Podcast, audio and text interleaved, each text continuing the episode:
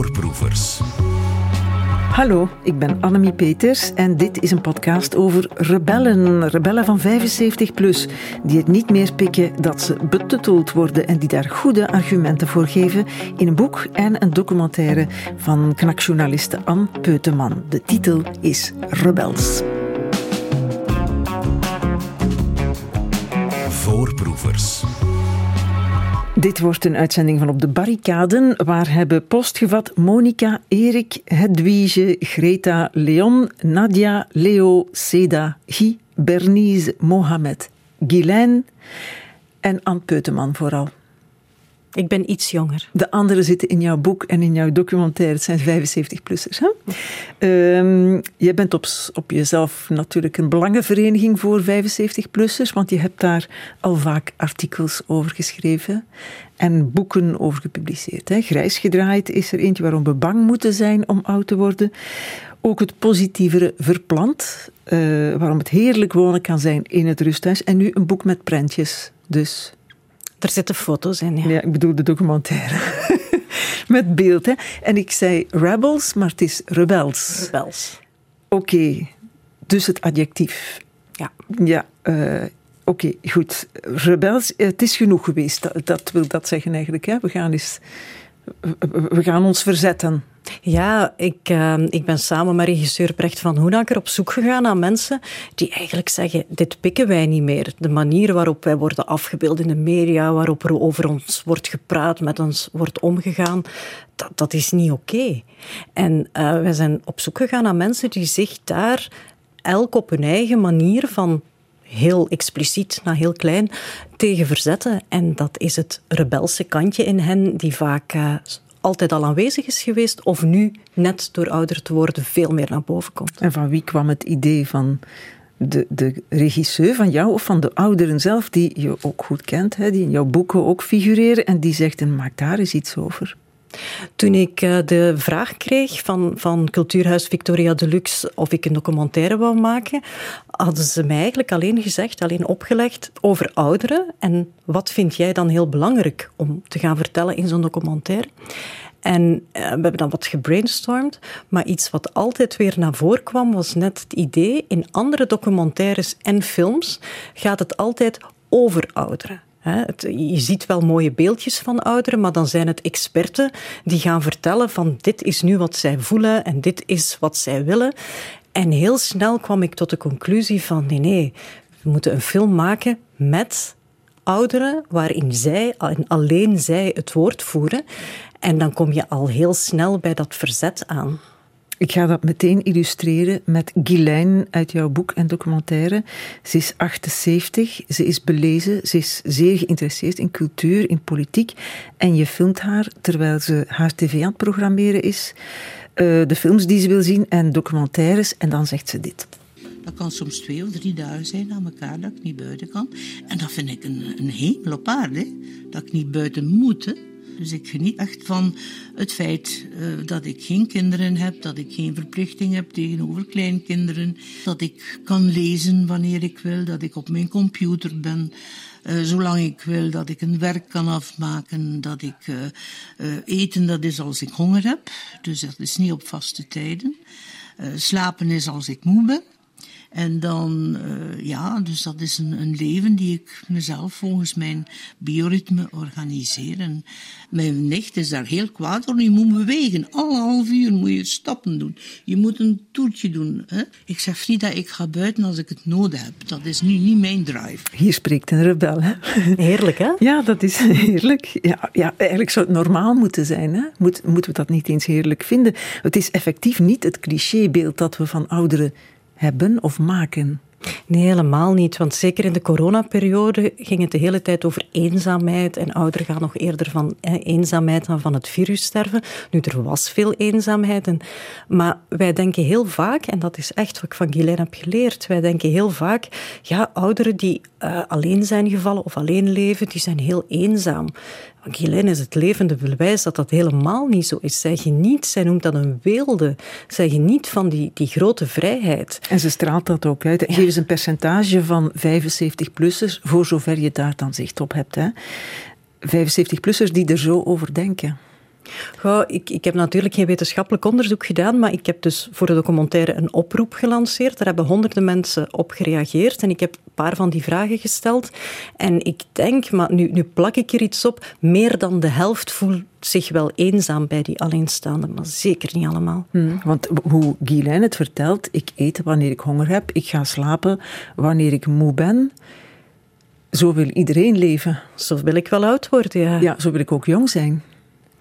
Dat is toch eh, je leven in eigen hand hebben. Maar dat is ook niet alleen Guylaine. Verschillende mensen uit, uit het project die hebben mij gezegd van...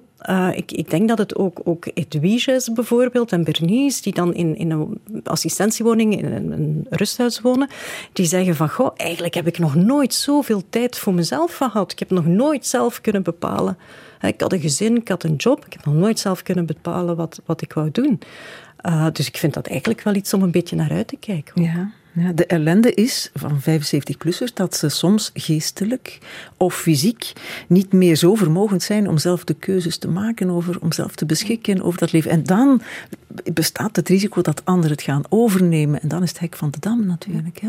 Nee, natuurlijk, als het gaat over, als je zegt geestelijk niet meer zo bij de pinken zijn, als we dan kijken naar mensen die echt um, dementie hebben, die, die laat ik buiten die projecten die ik doe, omdat dat echt wel moeilijk is. Dan kom je in een andere discussie terecht. Ja, dat is een ander verhaal. Dat is een ander verhaal. Heel veel van de mensen met wie wij nu hebben gewerkt, die zijn niet meer zo goed ter been. Um, maar het zijn natuurlijk, ja, degenen over wie we het vandaag hebben, zijn in die zin wel rebellen dat ze echt niet pikken dat anderen voor hen gaan beslissen. Maar ik heb toch de, ook al, al zien ze het niet altijd zelf zo, vele van hen hebben daar toch wel een klein gevechtje voor moeten voeren. Of moeten toch wel op hun strepen staan om ervoor te zorgen dat kinderen of zorgpersoneel of, of anderen uit de omgeving niet uh, met de allerbeste bedoelingen zich te veel gaan bemoeien. Ja, want je denkt aan instanties en politiek en zo die het overneemt van bejaarden, die zullen zeggen wat ze moeten doen. Maar eigenlijk moeten we ook in eigen hart kijken, denk ik toch, hè? want het gebeurt heel dichtbij ook. En betutteling, dat is iets waar we ons allemaal misschien wel eens schuldig aan maken. Ik heb nog een voorbeeldje uit jouw documentaire geknipt van Greta. Uh, 78 jaar, ja, ik moet dat er nu bij zeggen. Ik wil dat eigenlijk niet doen, maar het is belangrijk in deze. Um, en die zegt waar dat zoal in zit, die betutteling. Op het moment dat ze tegen, uh, tegen mij zeggen: ah, Je ziet er nog goed uit, dan weet je eigenlijk al hoe laat dat is. Want tegen jongere mensen gaan ze dat niet zeggen. Je ziet er nog goed uit. Hè? En de schrijfacademie zeggen ze dat ook dikwijls. Bijvoorbeeld, um, hebt nog een goed geheugen. Terwijl ik vind dat sommige van de jonge mensen soms voor bepaalde dingen een slechter geheugen hebben dan ik. Ja, ik heb godzijdank nog een goed geheugen. Niet dat ik geen dingen vergeet, hè. ook wel, maar goed. Of bijvoorbeeld, uh, ah ja, volgde je dat ook nog op de uh, actualiteit? Bijvoorbeeld over de kernuitstap of zo van die dingen. Ah ja, hij volgt dat ook nog. Ja, ik volg dat ook nog. Ik volg de actualiteit. Ik kijk naar de zevende dag bijvoorbeeld. Ik heb daar nog interesse voor. Dus dat woordje nog inderdaad, dat wordt heel veel gebruikt voor uh, onze categorie. Nu, de mensen bedoelen dat niet, niet slecht natuurlijk. Uh, ze bedoelen wel op een lieve manier, maar dat is echt wel opvallend, vind ik. Van nog, kunde hij dat ook nog? En hij nog zo goed stappen? Ja, kunde hij dan nog zo lang wandelen? ja.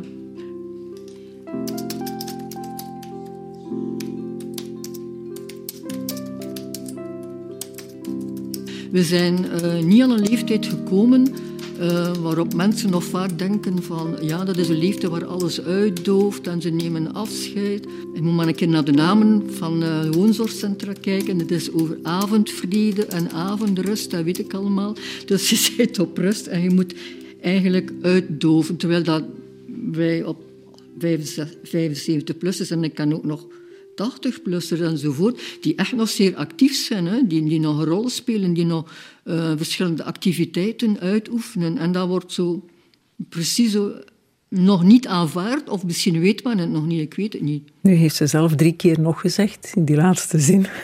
Terwijl ze het aanklaagt. Maar goed, je hebt het gauw gezegd. Hè? Het is heel moeilijk, want sinds ik Greta ken, probeer ik het echt niet meer te doen. En ik, ik stond deze zomer, mocht ik een, een uiteenzetting doen op Theater aan Zee over, over ouderen.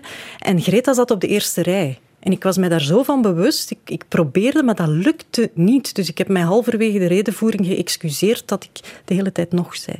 Ze zeggen dat soms ook tegen 50 plus, of 40 plus ook, hè, Anne. Je ziet, je hebt nog een mooi, mooi figuur, Anne. Ziet, het is eruit voor je het weet. Ja. Ik meen het ook, hè? het is goed bedoeld. Wat ik, wat ik heel schrijnend vind daaraan uit hun verhalen, is hoe plots dat soms gebeurt. Hoe, hoe, ik weet nog dat, dat um, Weile Eva Bal, die in mijn vorige boeken getuigde, de, de oprichter van Kopergieterij Gent, dat Eva zei dat ze zich nog herinnerde de shock de dag dat ze op de bus stapte en mensen gingen voor haar recht staan. Het besef van. Hier, Greta bijvoorbeeld, vertelt iets waarvan ik denk, mocht mij dat overkomen. Uh, ze vertelt in het boek dat ze een nagellak gaat kopen in een winkel en men vraagt, wil je een klantenkaart? En Greta zegt ja, graag. En die verkoopster, wat je zei daarnet met de beste bedoelingen, die betutteling, die verkoopster zegt van, kijk, dit is een QR-code, heb je kleinkinderen, anders moet je vragen dat ze dat eens inscannen. En Greta zegt, ja, ik stond perplex, maar, maar stel je voor dat, allee Annemie, stel je voor dat iemand jou zegt, heb jij kinderen, heb jij kleinkinderen, dan kunnen zij dat misschien eens, eens doen van een QR-code. Ja, dan weet ik niet wat terug te zeggen, denk ik zelfs. En nogthans, rechtstaan in de bus is ook alleen maar vriendelijk. Hè? Ja. Verkleinwoordjes, dat is ook zoiets. Er is een Erik in jouw reportage, 75 jaar, die is even in het ziekenhuis beland. En die vertelt dan dat ze daar zeggen: Meneer, we komen uw voetjes wassen. Telkens opnieuw. Ik heb maat 47, zegt Erik. Ik vind niet dat ze zo klein uitgevallen zijn. ja, het is meewarig. Eigenlijk hè, is dat hetzelfde als wat uh, William Boeva aanklaagde, maar dan over mensen met een handicap? Nee. Toen hij dat op Facebook schreef, hij ging over Down the Road en de mhm. toon die daar wordt aangeslagen tegen mensen met het Down-syndroom.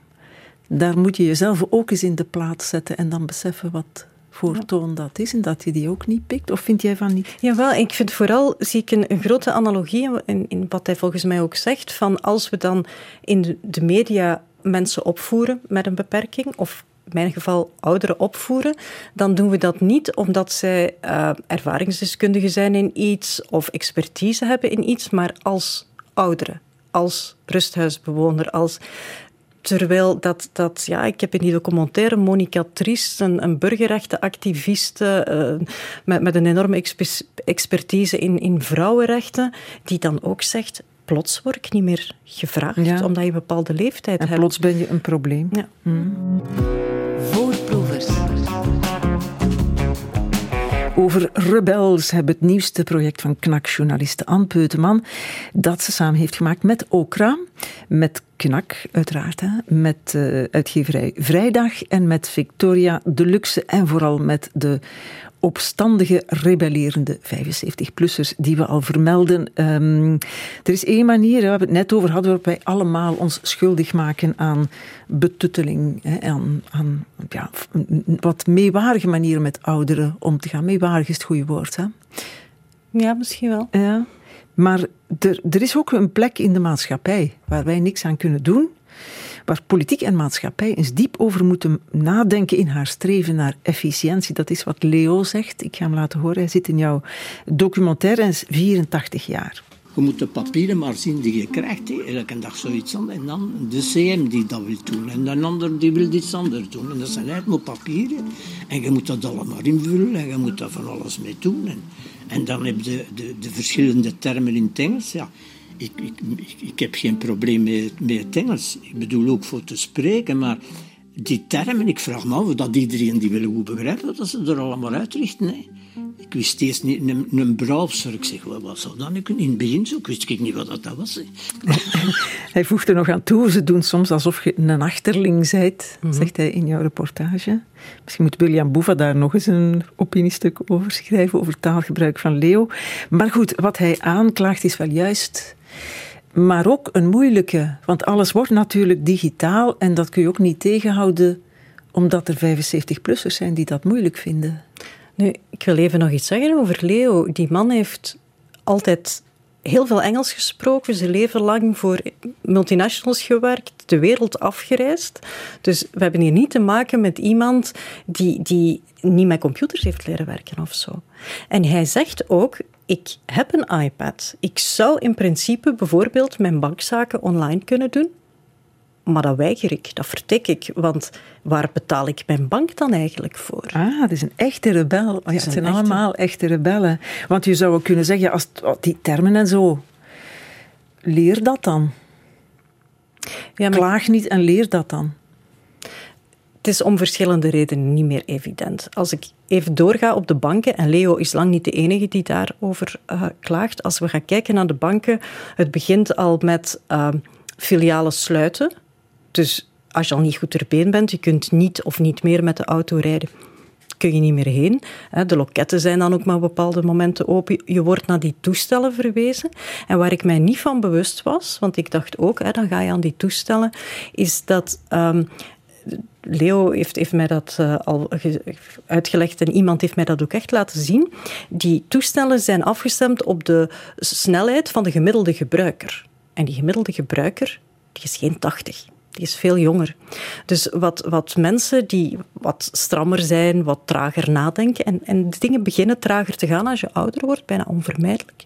Wat die mensen dan merken, is ze steken die, die kaart in de gleuf en dan willen ze geld afhalen. En dan moet je eerst een keuzemenu hè, van hoeveel wil je en welke biljetten wil je en wil je er een, een, een ticket krijgen achteraf.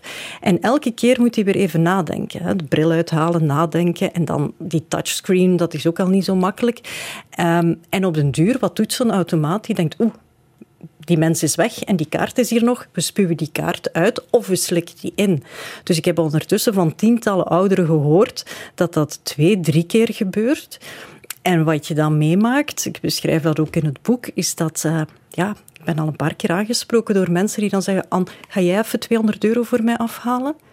En ik heb dat netjes gegeven, maar natuurlijk Um, zo maak je jezelf wel heel kwetsbaar. Ja, en zo geef je ook veel privacy vrij natuurlijk. Hè? En nu hebben ze ook heel veel van die automaten weggehaald. Bijvoorbeeld wat je overschrijvingen, dat doe jij al lang niet meer en ik ook niet. Die gaan uitprinten. Maar die gaan uitprinten, dat doen nog veel mensen.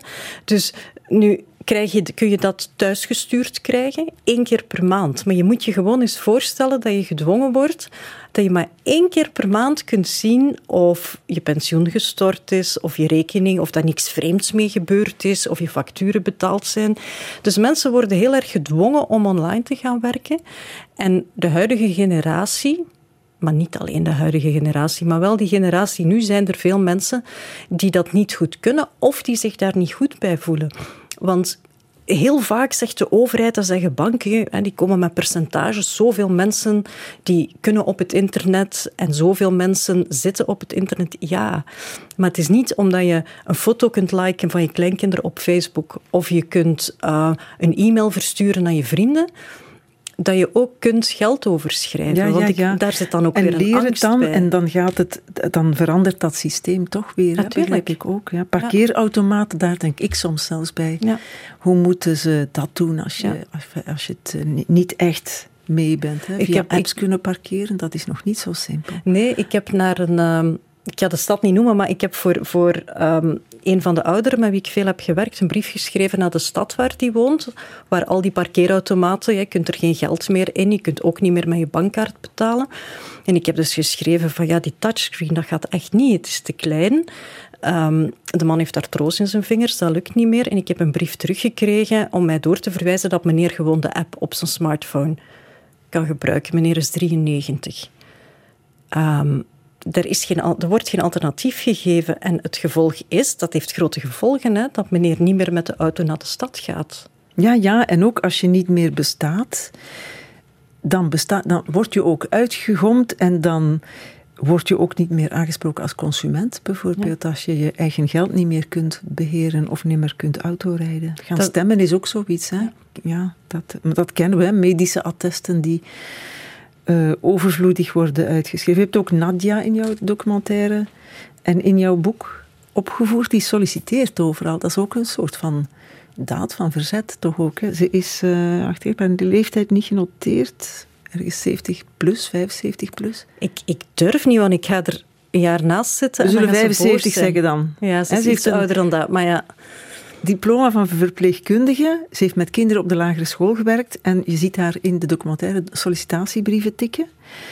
Uh, je zou zeggen, die heeft meteen werk, hè, want uh, er zijn gaten te over in de sector. Ze smeken daarom hulp, maar er is één probleem.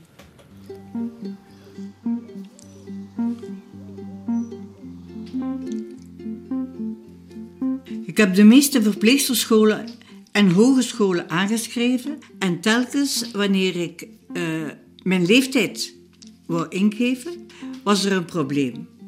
Bij het uploaden van mijn cv kon ik nooit verder scrollen dan 1952.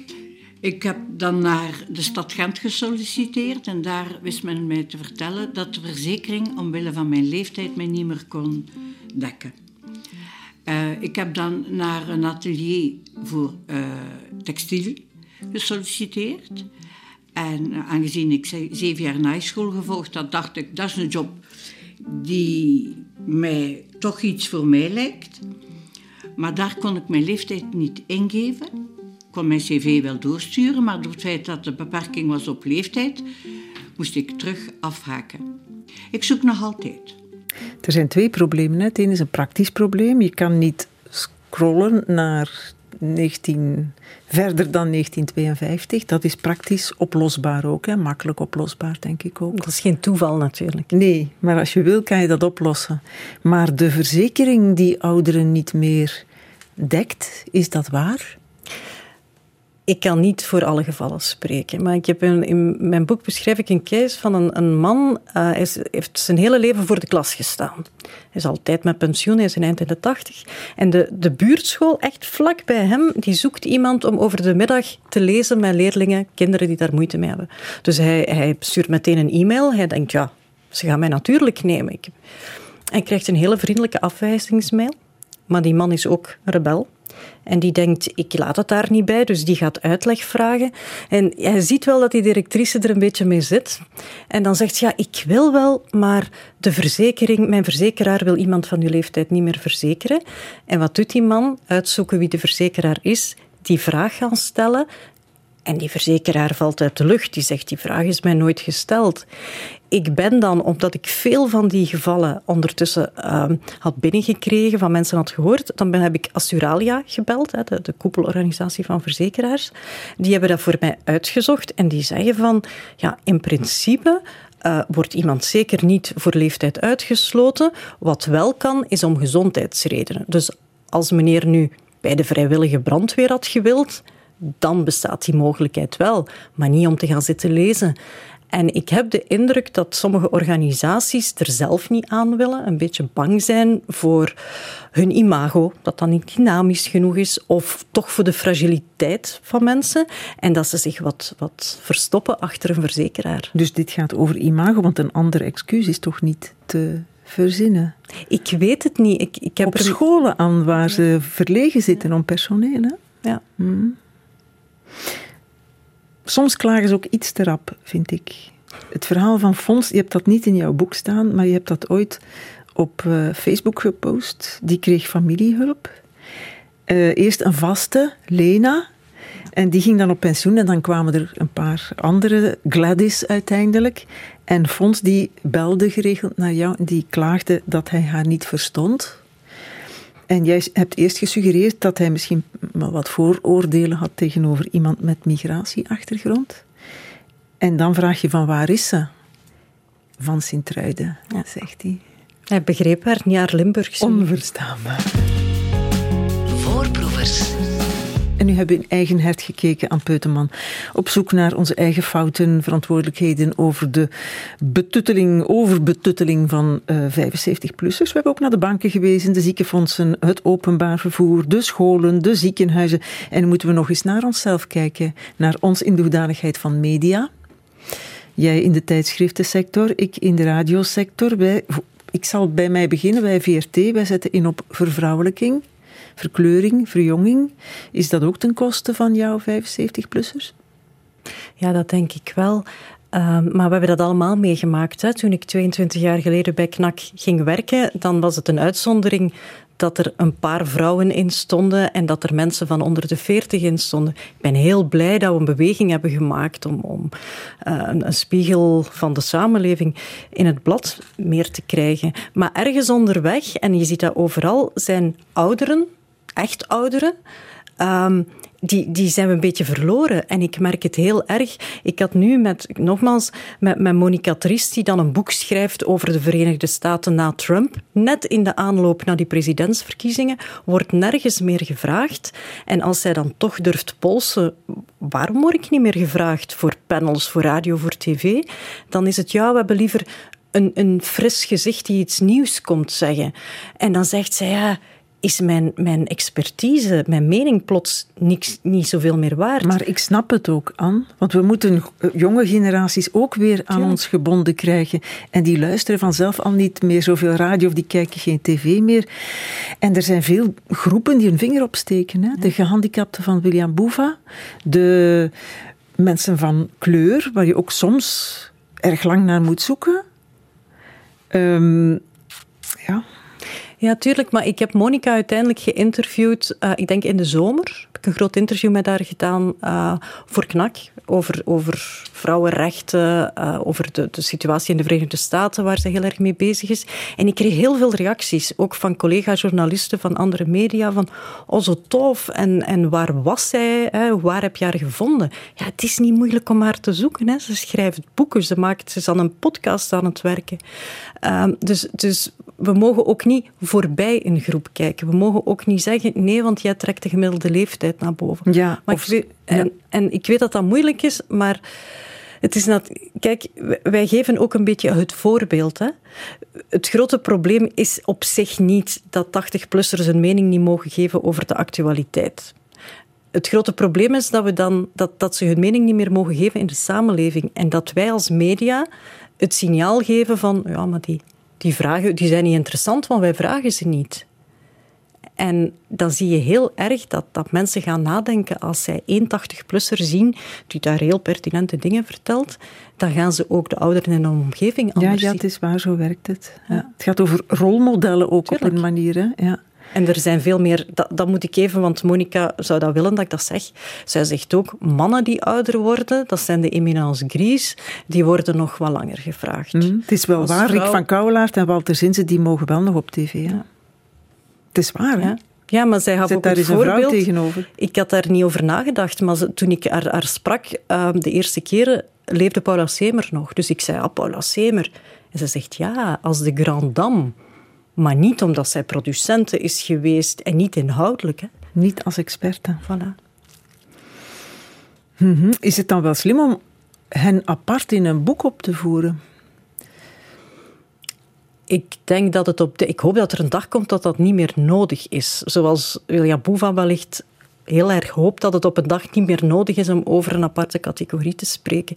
Maar we waren, ik denk zeker als ik met dit werk begon, in onverdachte tijden voor corona, als ik aan mijn eerste boek rond oudere grijs werkte, dan die groep was vergeten echt op alle vlak. Uh, men dacht van, ah, maar die zijn comfortabel, wij zorgen goed voor hen. Ja, voor hun lichaam.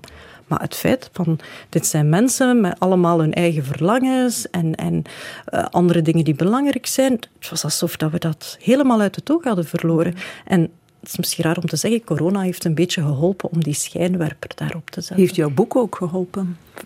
Doet dat iets, ver, verandert dat iets, zo'n boek, zo'n documentaire? Goh, ik vind dat ik vind dat moeilijk om over mijn eigen werk te zeggen. Ik weet wel dat mijn vorige boeken um, zijn gebruikt in workshops, in woonzorgcentra om mee aan de slag te gaan. Dus dan denk ik, oké, dat is fijn, want wat ik daar vooral insteek zijn um, ideetjes, uh, mogelijkheden, dingen om over na te denken.